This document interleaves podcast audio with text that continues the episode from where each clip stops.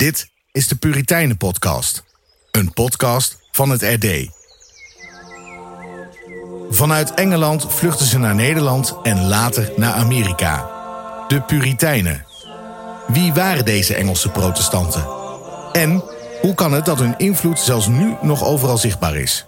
Steven Middelkoop en Albert-Jan Rechterschot gaan op reis met de Puritijnen. Deze Puritijnen-podcast wordt mede mogelijk gemaakt door Gebroeders Koster, een verantwoord assortiment boeken voor het hele gezin. Na een reis van meerdere weken over de soms stormachtige oceaan kwamen Europese kolonisten aan in Noord-Amerika. En al snel merkten ze dat ze niet de eerste waren op het nieuwe continent. Soms kwamen al prauwen met indianen langs zij nog voor de landverhuizers voet aan wal zetten. Weer anderen belanden in een gebied dat op het eerste gezicht onbewoond leek, maar waar na verloop van tijd bleek dat dat allerminst het geval was. Wie zijn deze mensen? Zo vroegen ook de Puritijnen zich af. En wat moeten we met ze?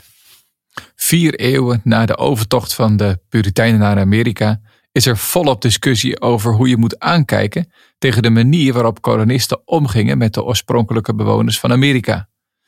Albert-Jan, kun jij daar iets over vertellen? Ja, het is nog maar een paar weken geleden dat een bekende Amerikaanse voetbalclub de aanduiding Indians uit zijn naam verwijderde. En Indiaan, dat is in Amerika tegenwoordig haast een scheldnaam. Uh, in de Verenigde Staten spreken velen liever over Native Americans, oftewel de oorspronkelijke bewoners van Amerika. Uh, zij, hè, dus ik zeg toch maar even de Indianen, die zijn er geboren en getogen. In tegenstelling tot het merendeel van de bevolking van de Verenigde Staten, want dat stamt af van immigranten. Wat je nu in Amerika ziet met het woord Indiaan, dat merkte ik overigens uh, toen ik in 1999 voor het eerst in Amerika was met het woord neger. Dat was in die tijd een absoluut taboewoord geworden. Terwijl het op dat moment, ruim 20 jaar geleden in Nederland, dat nog absoluut niet was. Maar inmiddels hebben we hier de Zwarte Pieten discussie gehad en ligt ook dat heel anders. Maar het zou mij dan ook niet verbazen als we in Nederland over 20 jaar ook niet meer zo gemakkelijk spreken over Indianen. Dingen kunnen dus gevoelig liggen of worden. Dat bleek een paar weken geleden bij het organiseren van de RD Mannendag. We hadden daar als Puritijnen podcast een belangrijke plek in het programma. En bij de organisatie van die dag merkten we dat ook tegen de Puritijnen niet altijd positief wordt aangekeken. Toen we probeerden de Pieterskerk in Leiden af te huren, stuitten we op een dichte deur. De reden? Men zag de Pilgrim Fathers als kolonisten die de oorspronkelijke bevolking van Amerika onderdrukt hadden. En dat als wij iets positiefs over de Pilgrim Fathers wilden vertellen, men daar niet achter zou staan. En dat is toch wel opmerkelijk als je bedenkt dat de Pilgrim Fathers een gunstige uitzondering vormden op vele andere kolonisten in hun tijd, maar ook zeker in de tijd daarna. Um, juist de Pilgrim Fathers leefden over het algemeen in vrede met de Indianen. Er zijn wel incidenten over en weer geweest, maar die hadden meestal te maken met spanningen tussen Indianen en andere groepen kolonisten, waar de Pilgrims dan min of meer in meegezogen werden. En ze belanden dan ook al snel in een soort spagaat tussen aan de ene kant hun loyaliteit aan de Indianen en aan de andere kant Engelse kolonisten, hun ja, landgenoten zou je kunnen zeggen. Een saillant detail is misschien nog wel dat hun predikant John Robinson, de predikant dus van de Pilgrim Fathers, die bleef in Leiden achter. En de gemeente in Plymouth, aan de overzijde van de oceaan, vormde de eerste jaren kerkelijk gezien een afdeling van de gemeente in Leiden. En ze, ze correspondeerden ook met elkaar. Ze schreven over en weer brieven. En Robinson, die schrijft in die tijd ook aan de Pilgrims dat ze zich juist moeten openstellen voor contacten met de Indianen. Verbindingen waren dus uh, belangrijk. Nou, in deze podcast hebben we het over Puritijnen en zending. Wat heeft dat te maken met de spanningen tussen Engels en de Indianen, met name in die eerste jaren? Nou ja, ik noemde al even hè, dat je kunt zeggen dat de ontmoetingen tussen de, tussen de Pilgrim en de Indianen, dat die in het begin uh, relatief vreedzaam verliepen. En dat is eigenlijk in zijn algemeenheid wel zo voor de ontmoetingen tussen Puritijnen en Indianen. Uh, bekend voorbeeld bij de Pilgrim is natuurlijk Massasoit, de Indianenhoofdman, Die hielp de Pilgrimvaders overleven in de winter van 1620 op 1621. Al denken historici tegenwoordig dat dat verhaal daarover wel wat geromantiseerd is. Ehm, maar even terug naar die spanningen tussen kolonisten en Indianen. Ehm, in de periode, nou ja, zeg maar de eerste 50 jaar. Uh, dat de Pilgrims en de andere Puritijnengroepen in Noord-Amerika zijn, uh, zie je eigenlijk twee dingen. Enerzijds zijn de conflicten met Indianen. Een belangrijke daarvan is bijvoorbeeld de Pequot-oorlog in 1637 en 1638. En helemaal aan het eind, rond 1675, komt er echt een hele grote oorlog. Maar dat, dat, dat is al na de eerste 50 jaar. In die eerste 50 jaar wordt er gelijktijdig uh, ook zeker door de Engelse immigranten gebouwd aan een goede verstandhouding. En dat is ook wel een ja, verschil met de Nederlanders, die iets verderop een kolonie hebben, de kolonie Nieuw-Nederland, waaruit de stad New York is voortgekomen. Uh, bij de Nederlanders zijn er vaker echte conflicten met de Indianen. En uh, ja, je zou eigenlijk kunnen zeggen dat die wat meer trigger-happy zijn, zoals dat uh, wel genoemd wordt. Hè? Die schieten er eerder op los. Bij de Engelsen zijn ook wel heethoofden en ontstaat ook wel een conflict. Maar er zijn ook altijd wel weer leidslieden die pleiten voor goede relaties met de Indianen. Die Nederlanders waren dus trigger-happy. Bereid om de strijd aan te gaan. Maar hoe zit het eigenlijk dan met die Puriteinse kolonisten? Hadden die volgens jou, Albert-Jan, het goede voor met de Indianen? Nou, de meeste leidslieden van de Puritijnen, die zagen de Indianen in ieder geval als mensen, medemensen met een ziel. En dat is best opmerkelijk, want vanaf het jaar 1619, dus één jaar voordat de Pilgrimvaders komen, komen ook al negerslaven uit Afrika aan, in het zuiden van Amerika. En de gedachte leefde toen wel dat die negers helemaal geen ziel hadden. Nou, als je er zo tegenaan kijkt, dan ontmenselijk je deze schepselen en dan worden ze al snel uitgebuit. Nou, dat uitbuiten gebeurde ook wel met de Indianen, maar toch niet zo algemeen als met uh, de Afrikanen die met schepen naar de overkant van de oceaan werden gevaren. Um, binnen de kolonistengroepen waren er vanaf het begin al geluiden dat slavernij absoluut niet in overeenstemming was met de Bijbel. Andere kant is weer dat alle Engelse kolonies al vrij snel juridisch vastlegden dat ze land mochten inpikken van de Indianen op grond van besluiten van de koning van Engeland. En dat was eigenlijk altijd nadelig voor de Indianen. En een zwarte bladzijde in de geschiedenis van de Puriteinse kolonies is toch ook wel dat slavernij daar vanaf het jaar 1641 legaal wordt. En dat is ondanks verzet van bekende predikanten, waaronder John Eliot, over wie we het vandaag gaan hebben. John Eliot roept al uh, zeven jaar daarvoor, in 1634, in een preek op tot vrede met de Indianen. En dat wordt er dan op dat moment niet in dank afgenomen door gouverneur Winthrop. Maar dat geeft, er, geeft wel aan dat er dus aanleiding was voor die oproep van Eliot. Drama eigenlijk, als je erover nadenkt. Hoe de slavernij om zich heen greep, hoe mensen gezien werden als silo's. En tegelijkertijd was er dus onder de kolonisten wel aandacht voor Indianen. Hoewel, materieel gingen zij erop achteruit. Maar Albert-Jan, als ik het goed begrijp, was er geestelijk wel aandacht voor hen. Ja, materieel gingen ze er in die zin op achteruit dat ze vaak verder het binnenland ingedreven werden, bijvoorbeeld. Dus weg van de kust, waar de kolonisten voet aan grond kregen. Um, het aparte is dat veel Indianen toch wel een hoger welvaartsniveau kregen. Door de handel met de Engelsen en de Nederlanders. En daar speelde nog iets anders. Doordat de Indianen geen weerstand hadden opgebouwd tegen Europese ziekten, stierven ze in het begin in grote getalen. Uh, op sommige plekken tot wel 90% van de bevolking. Sommige Engelsen zagen daarin Gods hand. Ze dachten: God maakt plaats voor zijn volk, voor ja, de Puritijnen dus, in het beloofde land. Maar terug naar jouw vraag of er aandacht was voor hun geestelijke leven. Dat was het niet vanaf het begin. Daar moeten we denk ik gewoon heel eerlijk in zijn. Um, dat was ook niet eenvoudig, moet er dan ook wel bijgezegd uh, uh, worden. Want die Pilgrimvaders hebben we gezien, die waren de eerste jaren bezig met overleven. Um, letterlijk. Ook van de Pilgrimvaders stierven er in de eerste winter uh, vele, bijna de helft. En een ander probleem, wat niet zo snel opgelost was, was dat Indianen en Engelsen nauwelijks met elkaar konden praten.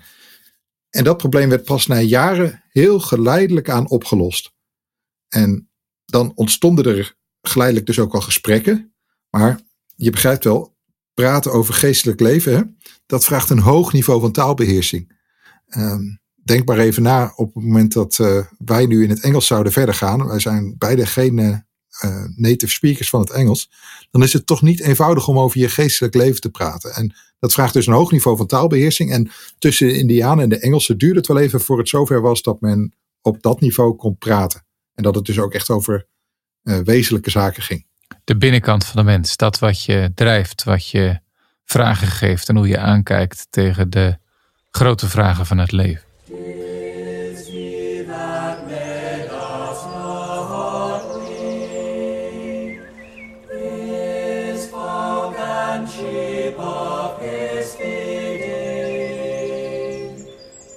Albert-Jan, jij uh, bent al jaren bezig met uh, John Elliot, de zendeling onder de Indianen. Ergens onderweg in je leven ben je onder de indruk geraakt van deze zendeling, die uh, zoals dat uh, altijd weer gebeurt bij ehm, pionierszending, begon met vertaalwerk en op allerlei manieren probeerde om contact, om begrip te krijgen bij de wereld van die ander. En waar ik eigenlijk wel benieuwd naar ben, is wat heeft jou geraakt in deze zendeling, John Elliot, waardoor jij ja, er toch wel een stukje van je levenswerk van aan het maken bent. Want je bent bezig met een biografie. Zal uh, op een bepaald moment uitkomen bij uh, uitgeverij De Banier. Ik heb daar wat eerste uh, stukjes van gezien en ik ben daar van onder de indruk. Ik zie uit naar de uitgave. Maar wat, wat raakte jou in Elliot, waardoor jij zoveel tijd en belangstelling en reizen ervoor over had om met hem kennis te maken na zoveel eeuwen? Nou, Elliot komt in Amerika in aanraking met mensen die in geestelijke duisternis leven. En die niet weten dat er een God is van hemel en aarde die uh, mensen zoekt en mensen van de geestelijke duisternis naar het licht wil hebben.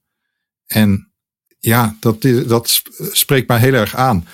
Als christenen zijn we denk ik geroepen om uh, de boodschap van het woord, om die niet voor onszelf te houden, maar verder te verspreiden.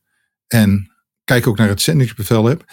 Dat, uh, dat is een heel verstrekkend bevel. Ga dan heen. Dat betekent je bent hier, maar je moet daar naartoe. Nou, dat was bij Elliot zeker zo. Hij ging naar de andere kant van de oceaan, moest alles achterlaten. Het deelt ook geen tegenspraak, dat bevel. En Elliot die ging, dat maakt diepe indruk op mij. Um, hij onderwijst de andere volken.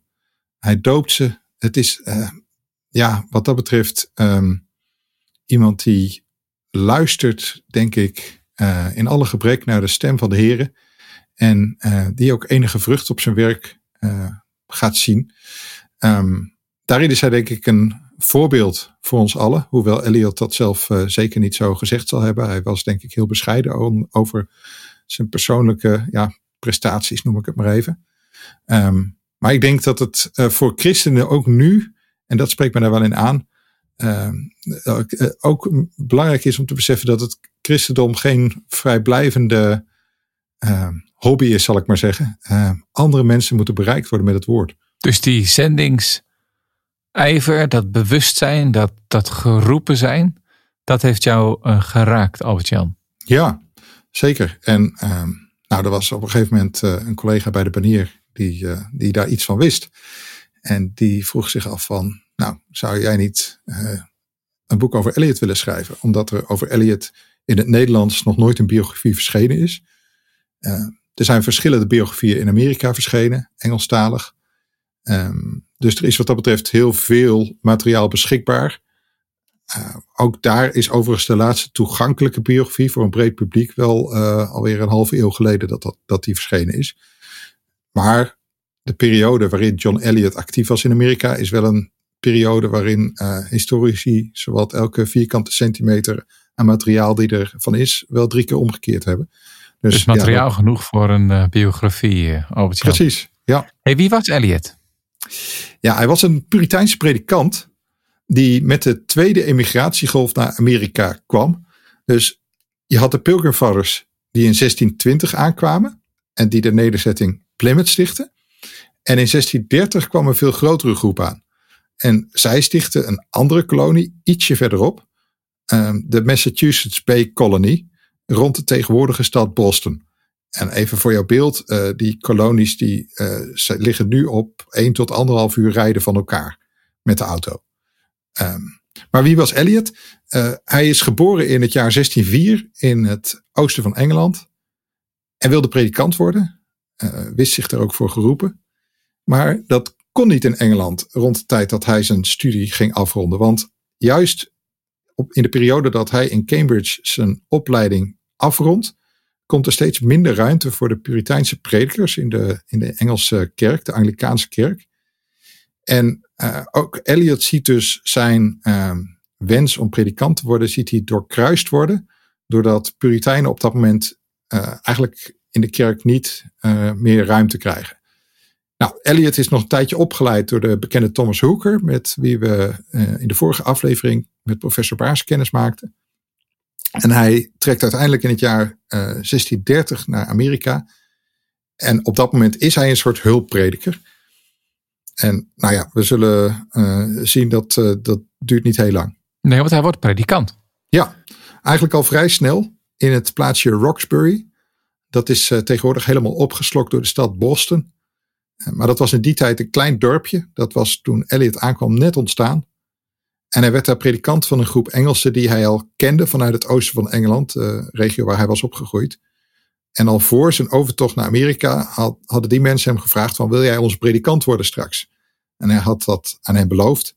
Nou, en het duurt even, hij is eerst een soort hulpprediker, maar um, het duurt niet heel lang voordat hij op een gegeven moment ook echt een predikant wordt. Dus geroepen, eerst te maken met veel tegenslag, maar dan in Amerika zou hij alsnog uh, predikant worden. Toch is Eliot vooral bekend geworden als zendeling. Blijkbaar um, was er een periode waarin juist dat hem gegrepen heeft. Ja, Eliot is zijn hele leven predikant gebleven van de gemeente in Roxbury. Maar vanaf ongeveer 1640 neemt zending een steeds grotere rol in zijn leven in.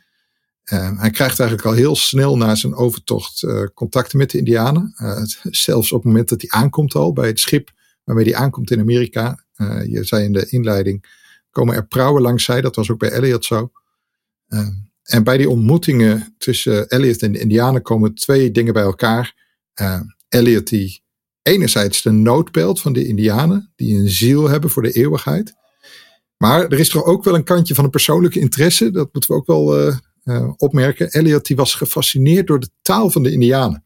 Dat is boeiend, hè? Want taal boeit je of het boeit je niet. De een die vindt het heerlijk om Hebreeuws en Grieks te leren en zich te verliezen in allerlei details. En voor de ander blijft dat een uh, toch wat complexe wereld. Maar blijkbaar had Eliot het gevoel bij taal en triggerde die wereld van die Indianen hem juist daarom. Al tijdens de predikantenopleiding van Eliot in Cambridge bleek dat hij aanleg had voor uh, het leren van de Bijbelse grondtalen, het Grieks en het Hebreeuws. Uh, Eliot was een man die taalstructuren doorzag. Je zou kunnen zeggen, hij speelde met taal. Uh, een soort polyglot. En hij was er dus ook voor, uh, ja, geknipt voor om iets te doen met het in kaart brengen van de taal van de Indianen.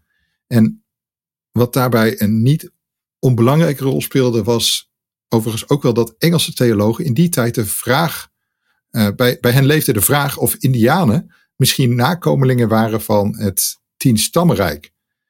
de gedachte in die tijd leefde dat het Tien-stammenrijk van Israël na de Babylonische wegvoering in de tijd van de Bijbel, wellicht in Amerika terecht was gekomen. En ja, dat vinden we nu misschien een, uh, misschien een rare gedachte, maar uh, Eliot wilde dus gewoon weten of hij in de taal van de Indianen nog iets kon terugvinden van het Bijbels Hebreeuws dat hij zo goed kende.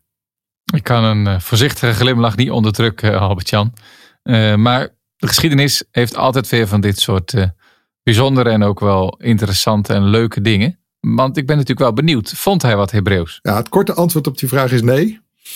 Maar het heeft wel even geduurd voordat Engelse theologen de gedachte achter zich lieten dat uh, Indianen voortkwamen uit het Tien-stammenrijk. Dat heeft echt wel, uh, ja, ik, ik, denk toch wel uh, een halve eeuw geduurd nog na aankomst van Eliot, voordat dat echt, ja, die gedachte verlaten werd.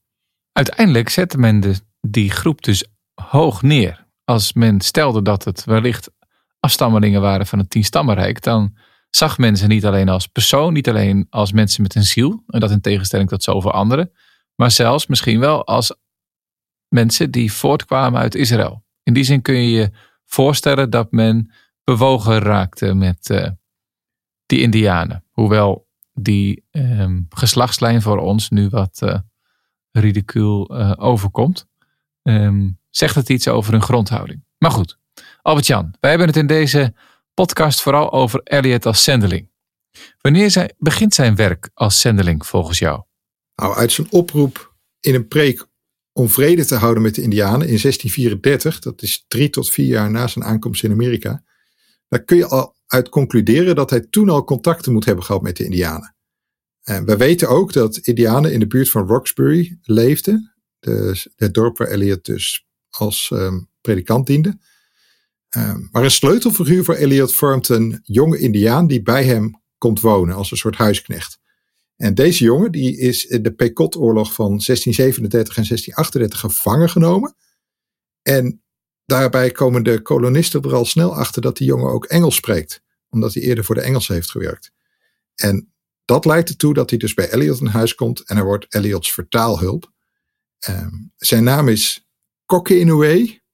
En van Elliot krijgt hij al snel een Europese klinkende naam, uh, Job Nesutan. En tot 1640 um, leidt het uh, ja, Elliot als zendeling nog een beetje een soort sluimerend bestaan, want hij is nog heel druk met andere dingen.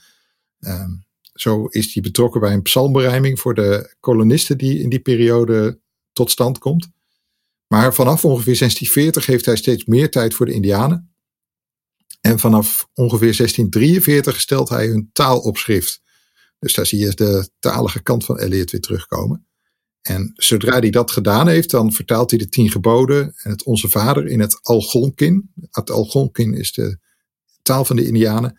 En drie jaar later beheerst hij het Algonkin zo goed dat hij ook zijn eerste preek kan houden in die taal. Eliot blijkt dus een echte pionier, uh, Albert-Jan. Ja, dat klopt. Pionier, hij, hij slaat dus wegen in die voor anderen um, ja, voor onmogelijk werden gehouden of die zelfs niet in hun gedachten opkwamen. Want het is voor veel Europeanen sowieso een verrassing dat het mogelijk is om grip te krijgen op de taal van de Indianen. Dat uh, kunnen de meeste kolonisten zich eigenlijk niet zo voorstellen. Maar voor Eliot is het een feest, want ja, hij komt erachter hoe rijk de taal van de Indianen is. Uh, het blijkt dat Indianen zich heel genuanceerd kunnen uitdrukken en ook abstracte, abstracte begrippen kennen, zoals de tijd, uh, dus uh, verleden tijd, uh, tegenwoordige tijd, toekomende tijd. Nou, en alle variaties die je daar nog in hebt. En daar komt hij steeds verder achter. En nou, Elliot gaat dus steeds vaker iets vertalen. Maar dan stuit hij wel op een nieuw probleem. Nou, laat me het raden, Albert-Jan. Ze kunnen niet lezen? Inderdaad. Ja, de Indianen kunnen niet lezen. En dan zie je meteen hoe actueel dat is. Hè? Uh, wij kennen nu uh, Wycliffe Bijbelvertalers bijvoorbeeld. Een organisatie die veel goed werk doet onder onbereikte volken. En het eerste wat je vaak ziet op het moment dat Bijbelvertalers aan de slag gaan, is dat ze lectuurwerk starten of zorgen voor taalonderwijs. Want je kunt wel een Bijbelvertaling maken, maar als mensen er niet uit kunnen lezen, dan schiet dat niet erg op.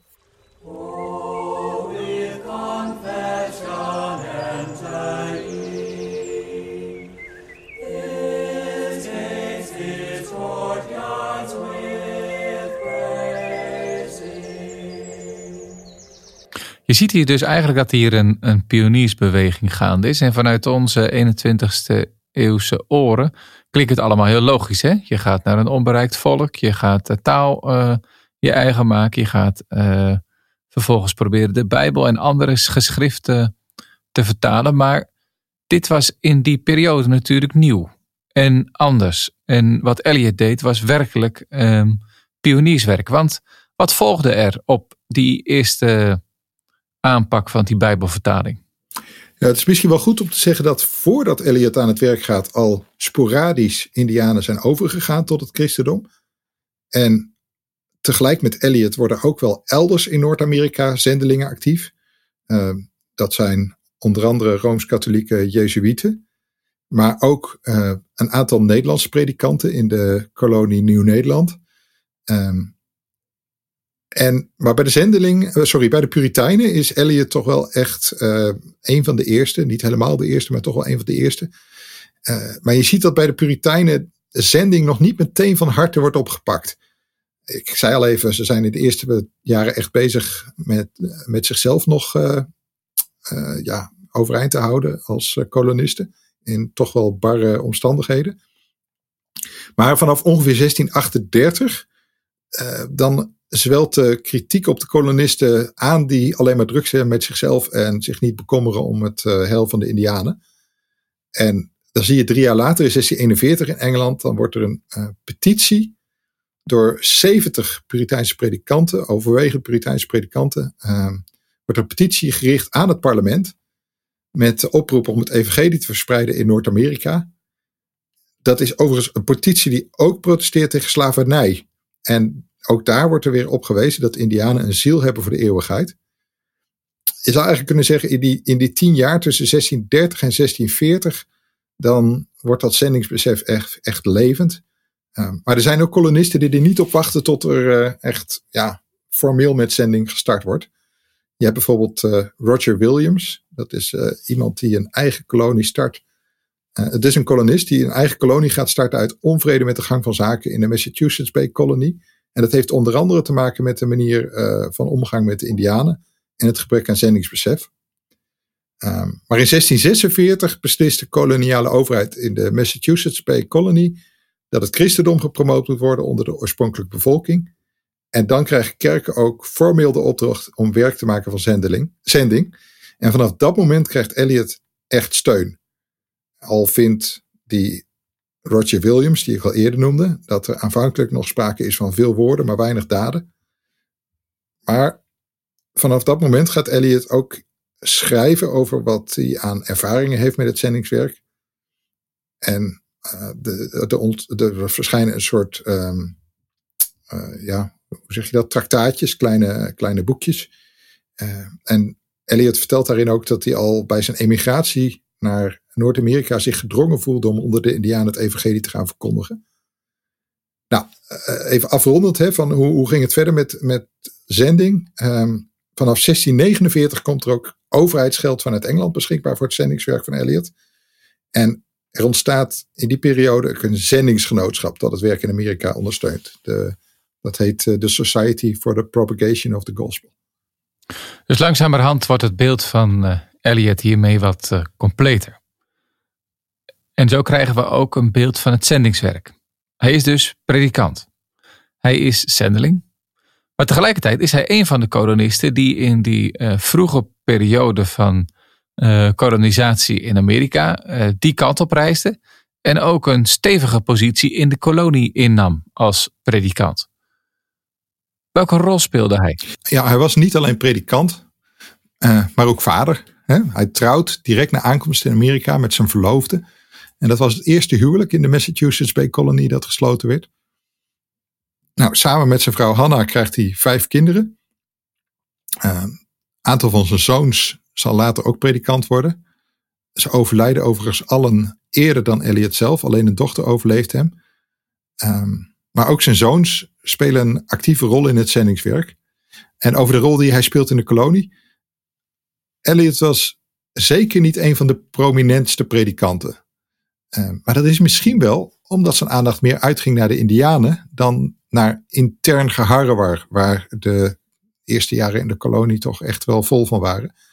Uh, niet dat hij zich daaraan onttrok, maar we zagen al dat hij soms impopulaire standpunten durfde in te nemen. Bijvoorbeeld rond slavernij. Dat ging toch best wel tegen de gedachten van sommige leidslieden in. En toch wordt hij over het algemeen gewaardeerd. Uh, je ziet dat bij belangrijke kwesties in de kolonie spelen. Ook eigenlijk altijd Elliot wordt geconsulteerd. Dus dan wordt Elliot gevraagd om zijn mening. En uh, een voorbeeld daarvan is een, uh, een, een rechtszaak die speelt tegen Anne Hutchinson. Dat is een vrouw die um, bijeenkomsten belegt door de week. Een soort gebeds- en ja, een soort convertikel bijeenkomsten zouden we zeggen. gezelschappen. Um, en haar uh, theologie, haar, haar denkbeelden komen op een gegeven moment, worden op een gegeven moment bekritiseerd. En dat leidt tot een rechtszaak. En Eliot is ook een van degenen die daar uh, nauw bij betrokken wordt.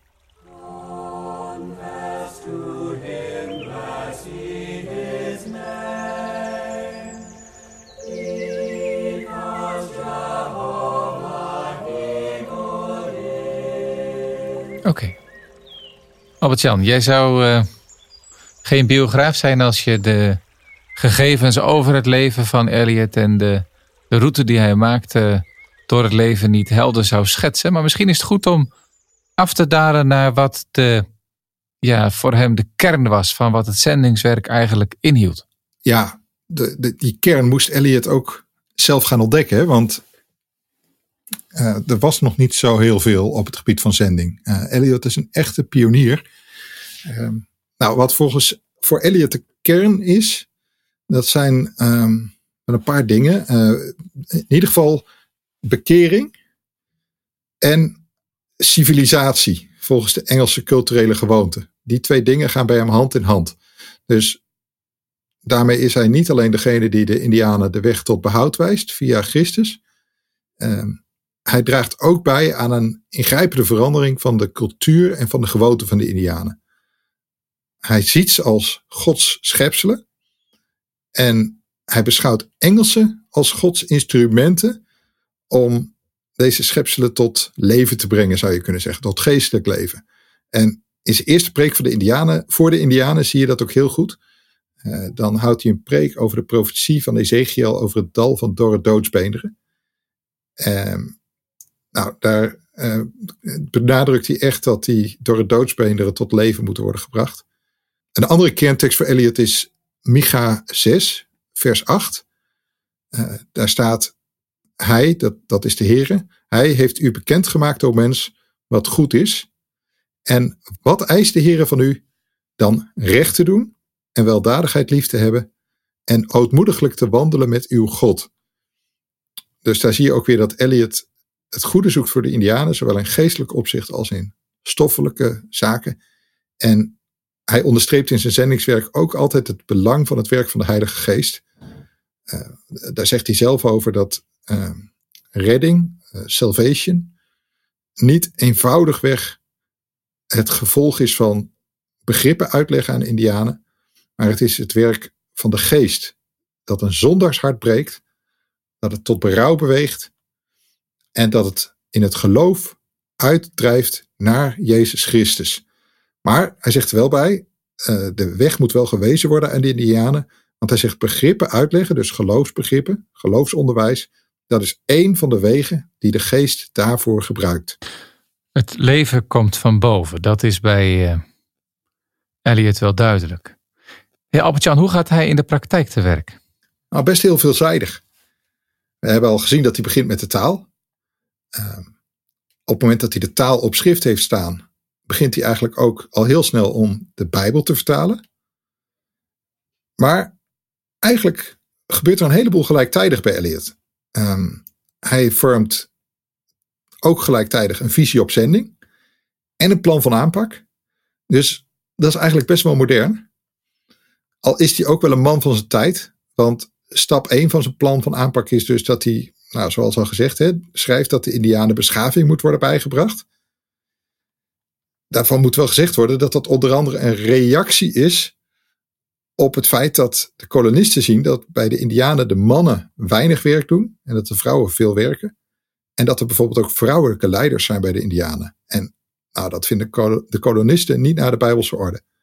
Dus je ziet dat ja, uh, de kolonisten ook vinden dat hun normen en waarden ook uh, de Bijbelse zijn en dat die overgebracht moeten worden op uh, de Indianen. Nou, dat, dat is dus stap 1, hè, die beschaving. Uh, stap 2, het zijn er vier in totaal. Stap 2 is volgens Eliot dat de Indianen moeten worden onderwezen in de protestantse leer. stap 3, dat onderwijzen, dan, dat maakt eigenlijk plaats voor stap 3, dat is bekering.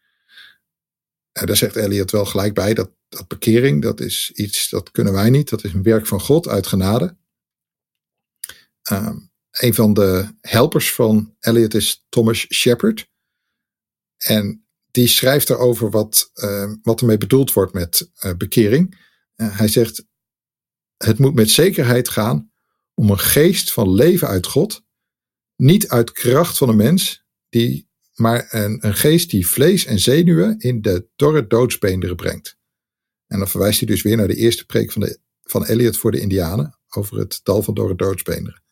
Nou, en stap 4 is dan het lidmaatschap van de kerk. Herkenbaar beeld, hè? Beschaving, het onderwijs in de protestantse leer, bekering en vervolgens het lidmaatschap in de kerk. We zien dat patroon in andere vormen, ook bij anderen terug, die op momenten in de kerkgeschiedenis tot zendingswerk uh, overgingen. Die stap 4, dat moet wel een lastige zijn geweest. Want in de vorige podcast met professor Baars leerden we dat daarvoor een heel bekeringsverhaal nodig was. Althans, dat zou men moeten kunnen vertellen, wilde anderen het overnemen. Calvijn die sprak nog van een beleidenis die we ervoor moesten houden dat het waarheid was. Maar deze Puritijnen wilden toch wel ietsje meer weten van wat die ander dan te zeggen had. Maar het vormde voor hen een drempel tot het kerklidmaatschap. Ja, dat was zelfs voor Engelse kolonisten al zo. Hè? Dat de, de voorwaarden om een persoonlijke bekering te kunnen vertellen. Uh, dat zag je gelijk in de eerste jaren van de kolonies in uh, Noord-Amerika al. Dat, dat vormde soms een onneembare drempel, waardoor uh, kolonisten dus uh, zelf niet lid konden worden en kinderen niet altijd gedoopt werden. en dat zie je ook bij de Indianen. op het moment dat Eliot uh, op, het moment dat het zendingswerk van Elliot vrucht gaat dragen, dan merk je dat die vierde fase van dat zendingswerk, dat dat nog wel even duurt voordat het zover komt. volop actueel overigens bij Zending Nu. als Elliot begint met zijn zendingswerk rond 1646, zijn eerste preek voor de Indianen, dan, dan zijn we nog niet zo ver. Dit, dit speelt wel eens een jaar of 10, 15 later. Wat je zo'n tien jaar later merkt is dat Elliot denkt van nou, we hebben een aantal bekeerlingen die zijn rijp voor om uh, een geloofsbelijdenis af te leggen. En daarmee zou een eerste gemeente gestart kunnen worden. Maar dan komen er hoorders, Engelse predikanten en ouderlingen. Uh, die komen over naar de plaats waar de Indianen wonen en waar die gemeente moet beginnen. Ja, en die Engelse predikanten die willen dan eigenlijk een bekeringsverhaal horen, zoals zij menen dat een bekeringsverhaal eruit moet zien. En dat is eigenlijk met de kennis van nu. Hè, wij kunnen natuurlijk nu uh, terugblikken op hoe men dat uh, toen beleefd moet hebben. Uh, is dat toch wel heel cultureel gekleurd geweest. men had de Engelse culturele bril op. Hè. Ik, ik, zei al even, Eliot vond dat die Indianen ook halve Engelsen zouden moeten worden qua gewoonte en qua gedragingen. En die predikanten willen dus ook qua geloofsbeleving willen ze dingen horen van de Indianen die bij Indianen gewoon anders liggen. En dat wordt niet altijd doorzien. En dat is best wel tot frustratie van Elliot op dat moment, want hij spreekt hun taal. Hij kent de Indianen inmiddels zo'n twintig jaar van behoorlijk nabij, heeft een nauwe relatie met hen. En ja, die predikanten, die spreken de taal van de Indianen niet of uh, heel beperkt. Uh, en die moeten wel gaan oordelen op een gegeven moment over bekering. Boeiend. Hier uh, raakt uh, onze tijd de tijd van toen. Als er een periode van 400 jaar voorbij is, zie je nog steeds dat in het zendingswerk dergelijke vragen terugkeren. Als het thuisfront niet altijd begrijpt wat er aan de andere kant van de wereld gezegd werd of hoe het gezegd wordt en op welke waarde dat dan geschat moet worden. Denk alleen al bijvoorbeeld aan de vraag: mag een voorganger die daar actief is ook in onze kerken voorgaan? Um, enzovoort. Maar, uh, ja, zover waren ze nog niet toen hoor. er komen wel, uh, komen wel Indianen voorgangers, maar dan, ehm, dan zijn we toch nog, nog weer een tijd later. Ja. Uiteindelijk zou het werkelijk vorm en gestalte krijgen, de kerk ook onder deze bevolkingsgroep. Maar laten we even een stap terugzetten. Hoe ging Elliot in praktische zin te werk als zendeling? Want hij heeft een bepaalde aanpak gehad om die Indianen te bereiken. Hij bezoekt hen. Hij bezoekt hen in hun, in hun wigwams. Dat doet hij waarschijnlijk al heel kort na zijn aankomst, rond 1630. Maar uh, er zijn verslagen van zijn bezoek aan de wigwam van uh, Indianenhoofdman Kutchamakin. Dat is in 1646, dus op het moment dat het zendingswerk echt van start gaat. En wat er uit die gespreksverslagen blijkt, is dat Elliot met hen uh, om te beginnen praat met, uh, met de Indianen over verschillen in taal en cultuur tussen de Engelsen en de Indianen. En nou, volgens het gespreksverslag dat we nu nog steeds uh, hebben, vertellen in de, de Indianen aan Elliot dat ze zich graag willen aanpassen bij de Engelsen omdat die zoveel dingen beter doen dan zij, zo meldt het verslag. De Indianen zouden gezegd hebben: de Engelsen die zijn beter geschoold, ze werken hard. En een van hun klachten is ook dat zij niet de God kennen waar Elliot over spreekt. En dan vragen ze aan Elliot om hen die God te leren kennen. Nou, en dat laatste, dat kun je echt wel zeggen dat dat voor Elliot als een soort gebedsverhoring komt. Nou, in dat jaar 1646, uh, eh, kort na die ontmoeting, uh, preekt Eliot ook voor het eerst. Dat gebeurt bij de wigwam van Waban. Wigwam is een tent? En, Waban, dat is een andere indianenleider. En dat is een man die al iets uh, te horen heeft gekregen eerder over het christelijk geloof. Um, en daar houdt hij dus de preek met die dorre doodsbeenderen. Uh, ik zal het, uh, het stukje waar Elliot over preekt dan ook even voorlezen, want daar zitten wel een paar aanknopingspunten voor het zendingswerk die vaker terugkeren. Uh, dus dat is uit Ezekiel 37. En hij, de Heere, zei tot mij: Profeteer tot de geest. Profeteer, mensenkind, en zeg tot de geest: Zo zegt de Heere, Heere. Gij geest, kom aan van de vier winden en blaas in deze gedoden opdat zij levend worden. Nou, dat is de kerntekst. En uit latere verklaringen van Indianen blijkt dat de Indianen op het moment dat ze daar een preek over horen, een bijzondere voorzienigheid erin zien dat Eliot spreekt over de wind. Hè, kom aan van de vier winden. Omdat de naam Waban, die, die Indianenleider waar die preekt, die naam Waban betekent in de taal van de Indianen, in het Algonquin, betekent dat wind. En nou, uh, blaas in deze gedoden, opdat zij levend worden. Uh, hier ligt dus eigenlijk ook al een roeping in voor Waban. En dat zal later ook wel blijken. En uh, wat nog opmerkelijk ook is voor Eliot. Eliot heeft dan de. In die tijd gebruikte hij de King James vertaling. Hè, de, de, de vertaling die in veel uh, behouden de protestantse kerken in Engeland en Amerika nog steeds uh, in gebruik is. En daar in de Engelse vertaling wordt niet gesproken van profiteer tot de geest, zoals wij het in de Statenvertaling kennen. Maar uh, in de Engelse vertaling is die zinsnede vertaald als profiteer tot de wind. Ik zal het ook even voorlezen. Then he said unto me, Prophecy unto the wind, prophecy, son of man, and say to the wind, Thus said the Lord God. Dus je kunt eigenlijk zeggen dat zowel voor die uh, Waban, de Indianenleider, zit hier een uh, bijzondere lading in. En dat geldt eigenlijk ook voor Elliot. Dus die twee hebben nou ja, gelijk stof tot praten. En we hebben al geconstateerd dat een geestelijk gesprek een uitdaging was voor Engelsen en, um, en Indianen. Maar Elliot heeft eigenlijk ja, stof genoeg om gelijk dat geestelijk gesprek aan te gaan. En er is ook dus ontvankelijkheid bij Waban, die Indianen leiden daarvoor. Een man die later ook tot betekenis zou blijken te zijn voor het zendingswerk van Elliot. Zeker. Maar wat is eigenlijk zijn praktische aanpak? Hij geeft les of, of komt hij ook vaker preken? Uiteindelijk reist Elliot om de week naar de Indianen toe. Uh, de ene zondag preekt hij voor hen en de andere zondag preekt hij voor zijn gemeente in Roxbury.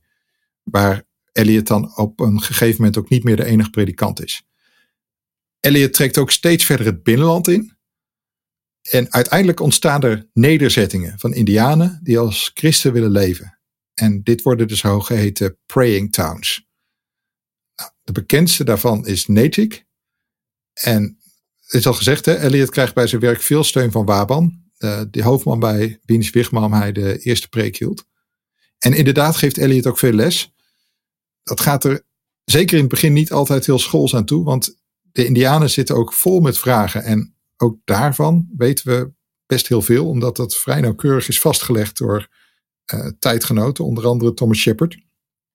En meestal zijn er na een preek van Eliot, zijn er een soort vraag- en antwoord sessies. En de Indianen stellen dan allerlei soorten vragen. Maar er wordt ook categorisatie gegeven aan de kinderen. En die krijgen dan bijvoorbeeld een appel als ze uh, de volgende keer dat Elliot en zijn helpers terugkomen, als ze dan nog het goede antwoord weten te geven. Kijk, de spiegeltjes en kralen zijn nooit ver weg als het gaat om het uh, contact met andere volken in die Ja, jaren. ja. En toch zie je dat um, er dus werkelijk um, verbinding ontstaat en dat de taal wordt begrepen en dat er onderwijs kan worden gegeven en dat er dus ook dialoog ontstaat.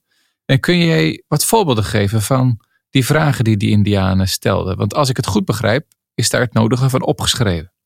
Ja, klopt. Er zijn eh, een aantal boekjes verschenen in die tijd. ehm, die ook eh, nog steeds te lezen zijn. Ehm, de tekst van al die boekjes is ook op internet vrij beschikbaar. Ook van de eerste drukken nog. En dat zijn vaak eh, ja, kleine boekjes, eh traktaatjes van 20, 30 bladzijden. Ehm, maar goed, eh, wat voorbeelden van die vragen. Er zijn soms hele diepe vragen bij. Maar ook hele praktische. Ehm, bijvoorbeeld, is er ook een tijd geweest waarin de Engelsen, net als de Indianen, God niet kenden? Zo vragen die Indianen en Elliot. Dus hè, wij leven in geestelijke duisternis. Maar is dat bij de Engelsen ook zo geweest? En een voorbeeld van hoe diep de Indianen ook nadachten en meedachten met Elliot. Hoe kan een mens, zoals Elliot zei, beelddrager van God zijn? Terwijl God in het vierde gebod het verbiedt om hem uit te beelden. En het verlengde daarvan, als een slechte vader een goed kind krijgt, wordt dan God gelasterd omdat het beeld van God in het kind anders is dan in de vader. Dus je ziet, naast filosofische vragen, Albert-Jan. nou ja, dit geeft dus ook echt wel wat weer van de gedachten van de Indianen. En ehm, ik denk ook dat menig kolonist Indianen wat dat betreft zwaar onderschat heeft. En dat Eliot eh, er ook achter komt als hij de taal beheerst, dat er wezenlijke vragen leven bij de Indianen. Maar dat hij ook wordt uitgedaagd om wezenlijke antwoorden te geven. Eh, Indianen die spiegelen heel erg Eliot zijn eigen denken. En net wees ik er al even op dat um, op het moment dat de Engelse predikanten de bekeringsverhalen uh, moeten beoordelen van de, uh, van de Indianen, dan wordt het die dus langs een bepaalde meetlat gelegd. Terwijl Eliot inmiddels een hele ervaring achter zich heeft van vragen van Engels aan de ene kant, maar zeker ook wezenlijke wedervragen van de Indianen aan de andere kant. En um, dat het dus ook een kwestie is van leren van elkaar. Uh, nou, en Eliot, uh, die uh, wijst er bijvoorbeeld ook op dat de mens zich bewust moet zijn van zijn onwaardigheid tegenover God. En daarna moet hij leren vragen om vergeving van zonde. En streven naar het doen van Gods wil, zoals een gehoorzaam kind dat wil doen. Wat van, een, een, een gehoorzaam kind dat wil doen wat zijn vader van hem vraagt. En nog een ander voorbeeld van een praktische vraag, uh, om uh, nog even een heel ander uh, accent te benadrukken, is: Indianen vragen ook: hoe kan het dat zeewater zout is en water op het land zoet? En Eliot die reageert dan met: Het is Gods vermaak geweest om dat zo te scheppen, net zoals het God behaagd heeft om aardbeien zoet te laten smaken en cranberries zuur. En nou, dan vermeldt het verslag dat Eliot er ook op ingaat dat er wel natuurlijke oorzaken zijn waarom zeewater zout is en water op het land zoet. Maar het verslag meldt dan, daar begrijpen de Indianen niet zoveel van. Dat zou nog een kwestie van uh, beschaving zijn, wellicht.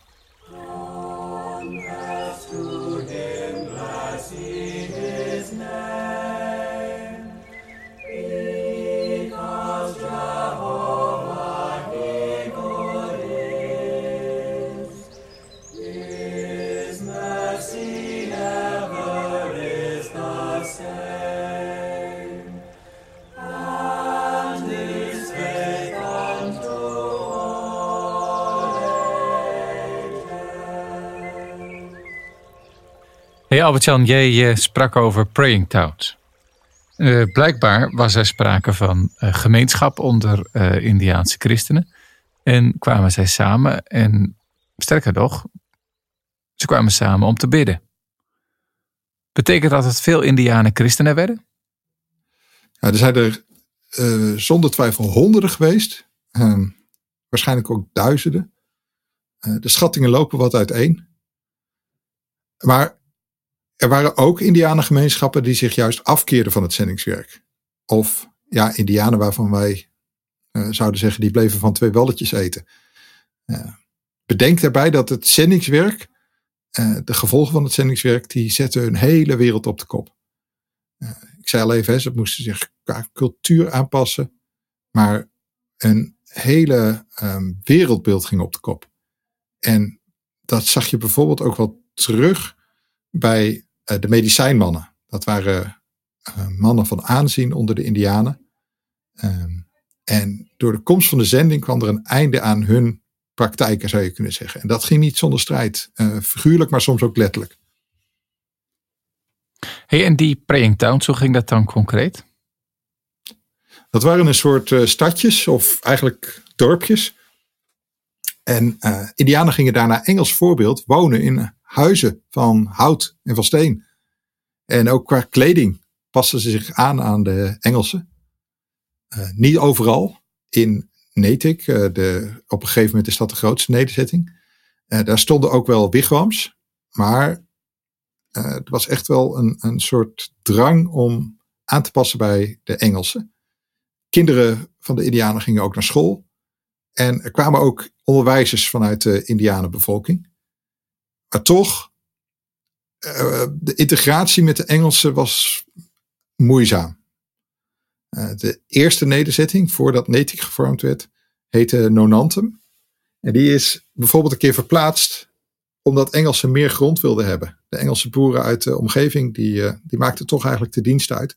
En de Indianen hadden daar weinig tegen in te brengen. Aan de andere kant werden Indianen in de Engelse kerk opgenomen. Dus er werd geen aparte kerk voor de Indianen gesticht, zullen we maar zeggen.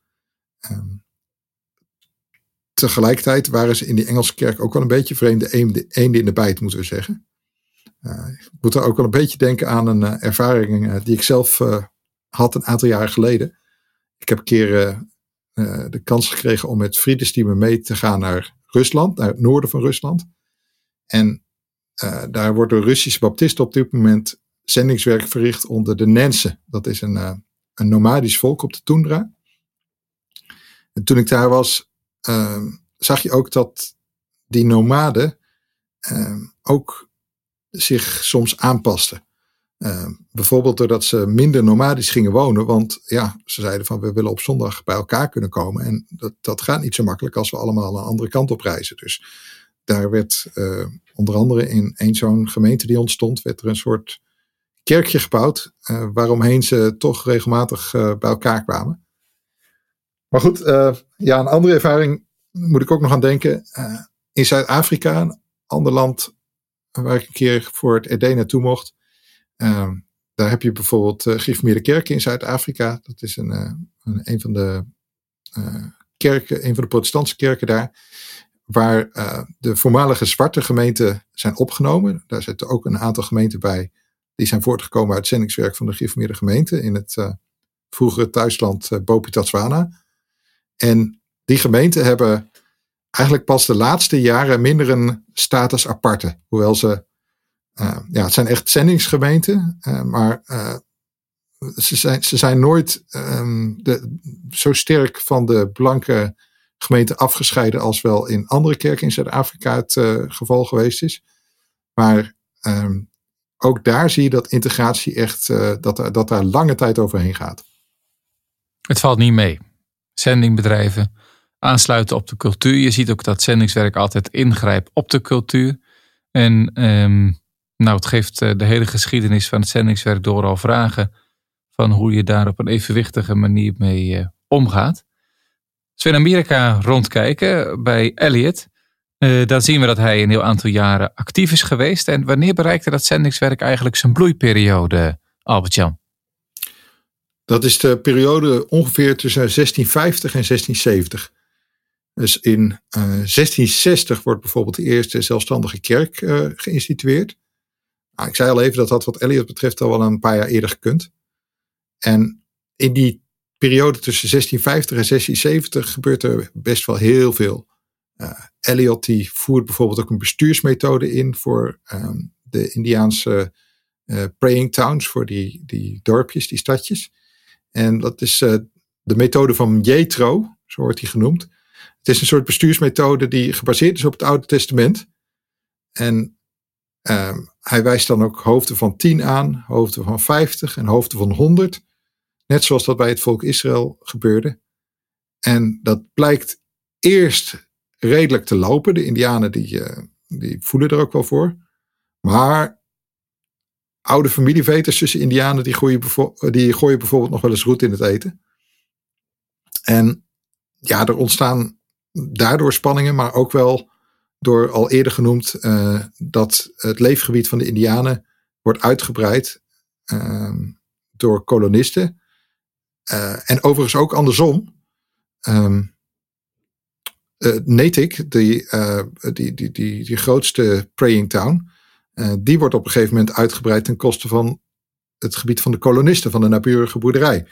Daar vindt dan een soort landruil plaats.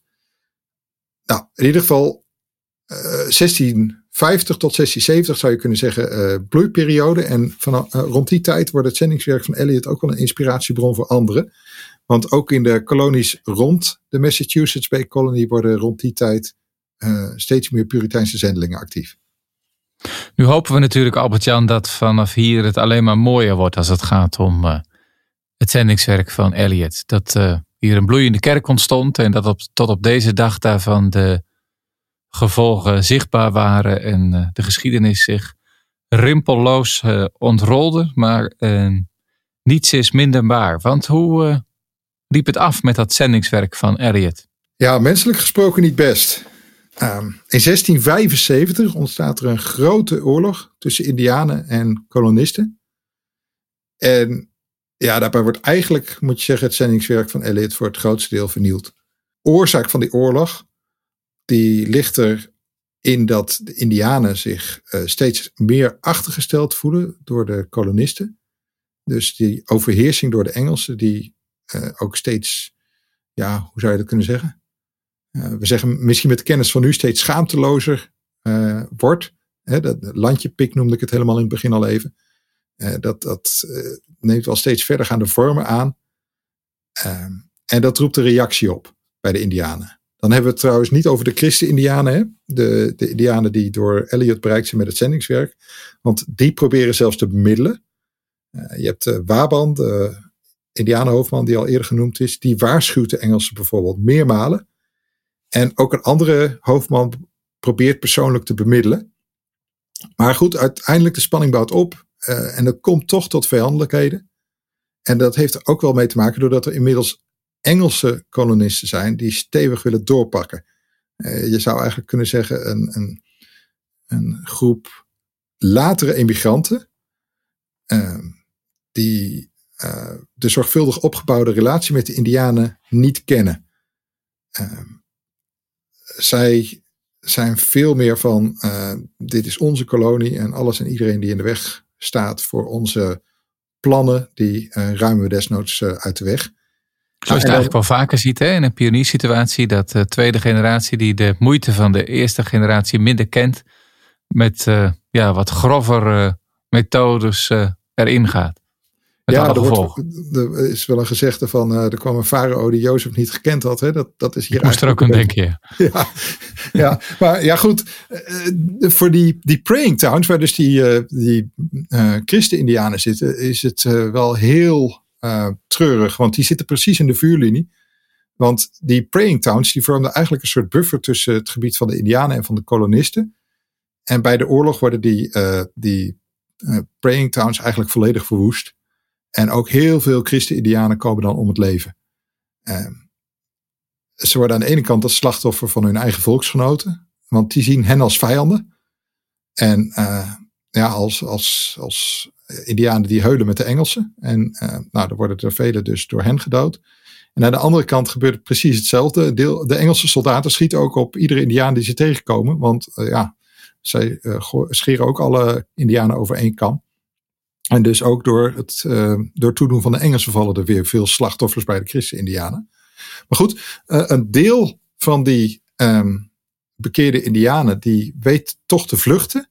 En die belanden uiteindelijk op een schiereiland voor de kust van Boston. Daar kunnen ze kunnen geen kant meer op. Uh, en dat is uh, echt niet de beste plek. Tegenwoordig zit daar de afvalwaterinstallatie van de stad Boston bijvoorbeeld. Om maar even aan te geven wat voor plek het is. Dus ehm, ja, je zou kunnen zeggen ver van de bewoonde wereld af. Nou, Elliot bezoekt hen daar nog heimelijk. Met een roeibootje vaart hij s'nachts over naar dat schiereiland. En dan brengt hij levensmiddelen. Maar hij kan niet voorkomen dat velen daar door de barre omstandigheden alsnog om het leven komen. Het schaambrood komt naar buiten als je op je in laat werken wat wij uh, als kolonisten op de verschillende continenten als Westelingen hebben aangericht.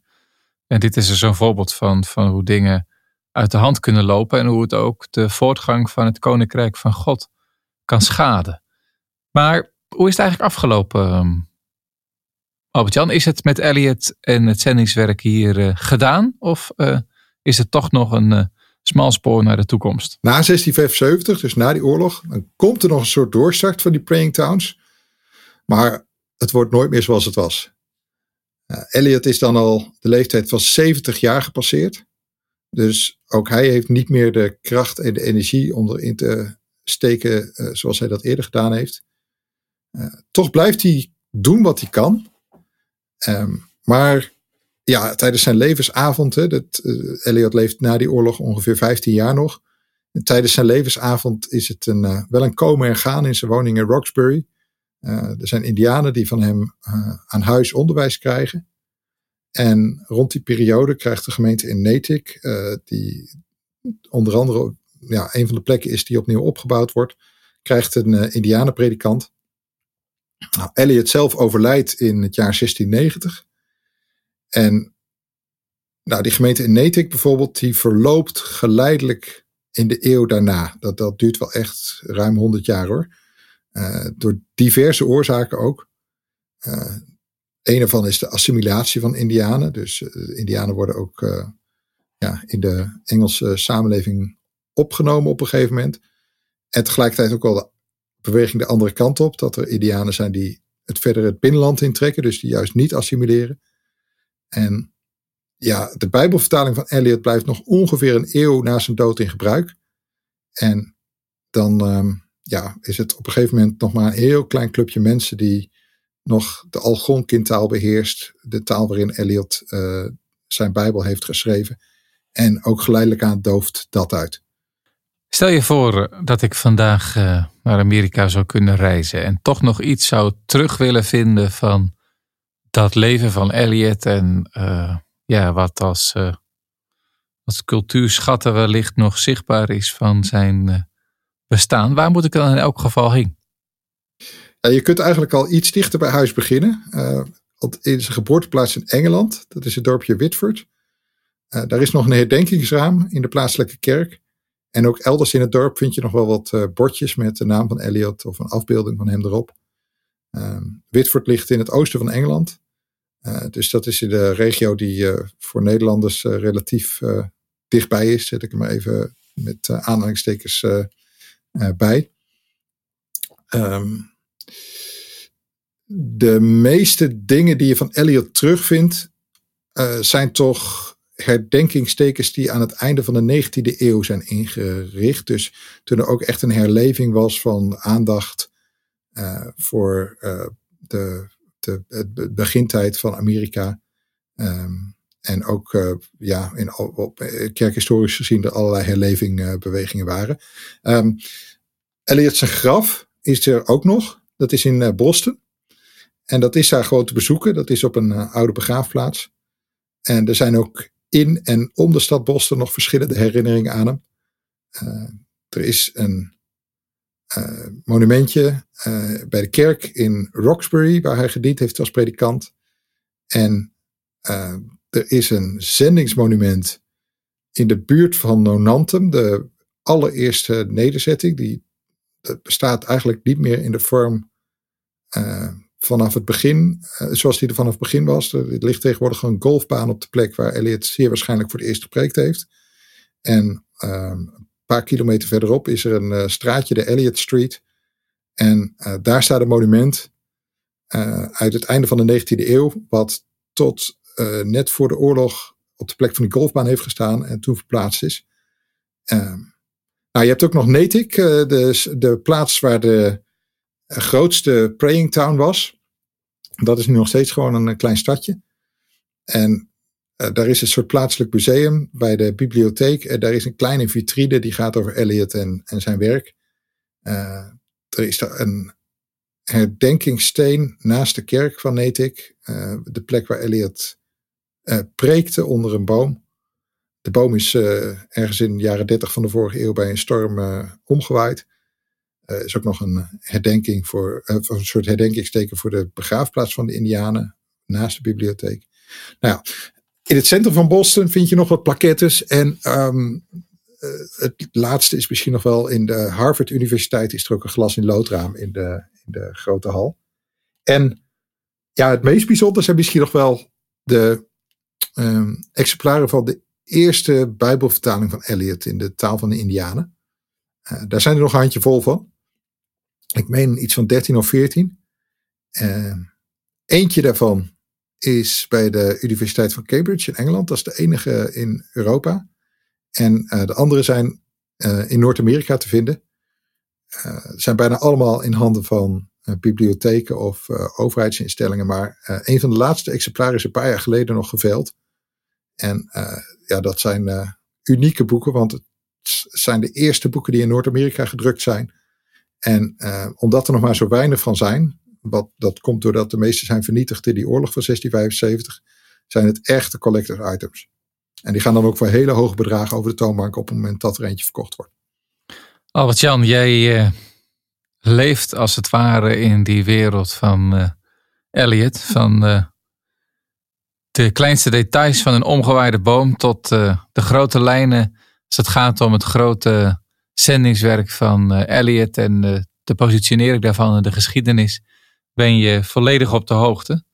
En uh, al luisterend naar jouw uh, gedachtenvorming rondom Elliot, uh, werd bij mij alleen maar de behoefte groter om in de toekomst dat boek voor jou ook aan te schaffen. Dus misschien kun je voor ons publiekelijk een uitspraak doen, Albert-Jan, wanneer jij ongeveer denkt dat wij het misschien wel in handen kunnen houden. Je hoort van mij twee slagen om de arm, maar toch? ongeveer wanneer misschien, ja. Um, nou, ik ben er wel een hele eind. Dus uh, ja, ik hoop toch uh, binnen nu en een jaar het wel af te kunnen ronden. Binnen nu en een jaar. Nou, we gaan je er uh, massaal aan herinneren.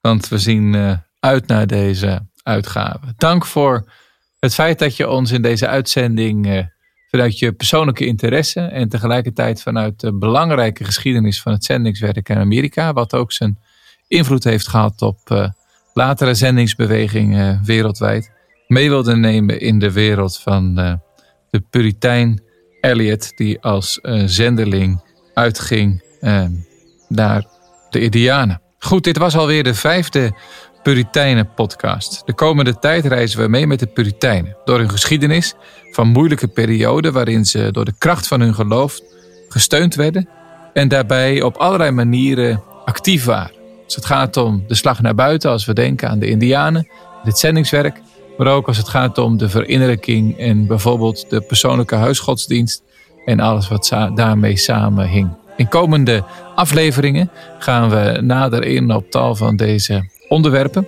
En we zijn benieuwd welke vragen daarbij volgens jou behandeld moeten worden. Dus geef jouw tips en ideeën via de mail, via het mailadres puriteinen.rd.nl of kijk op rd.nl slash.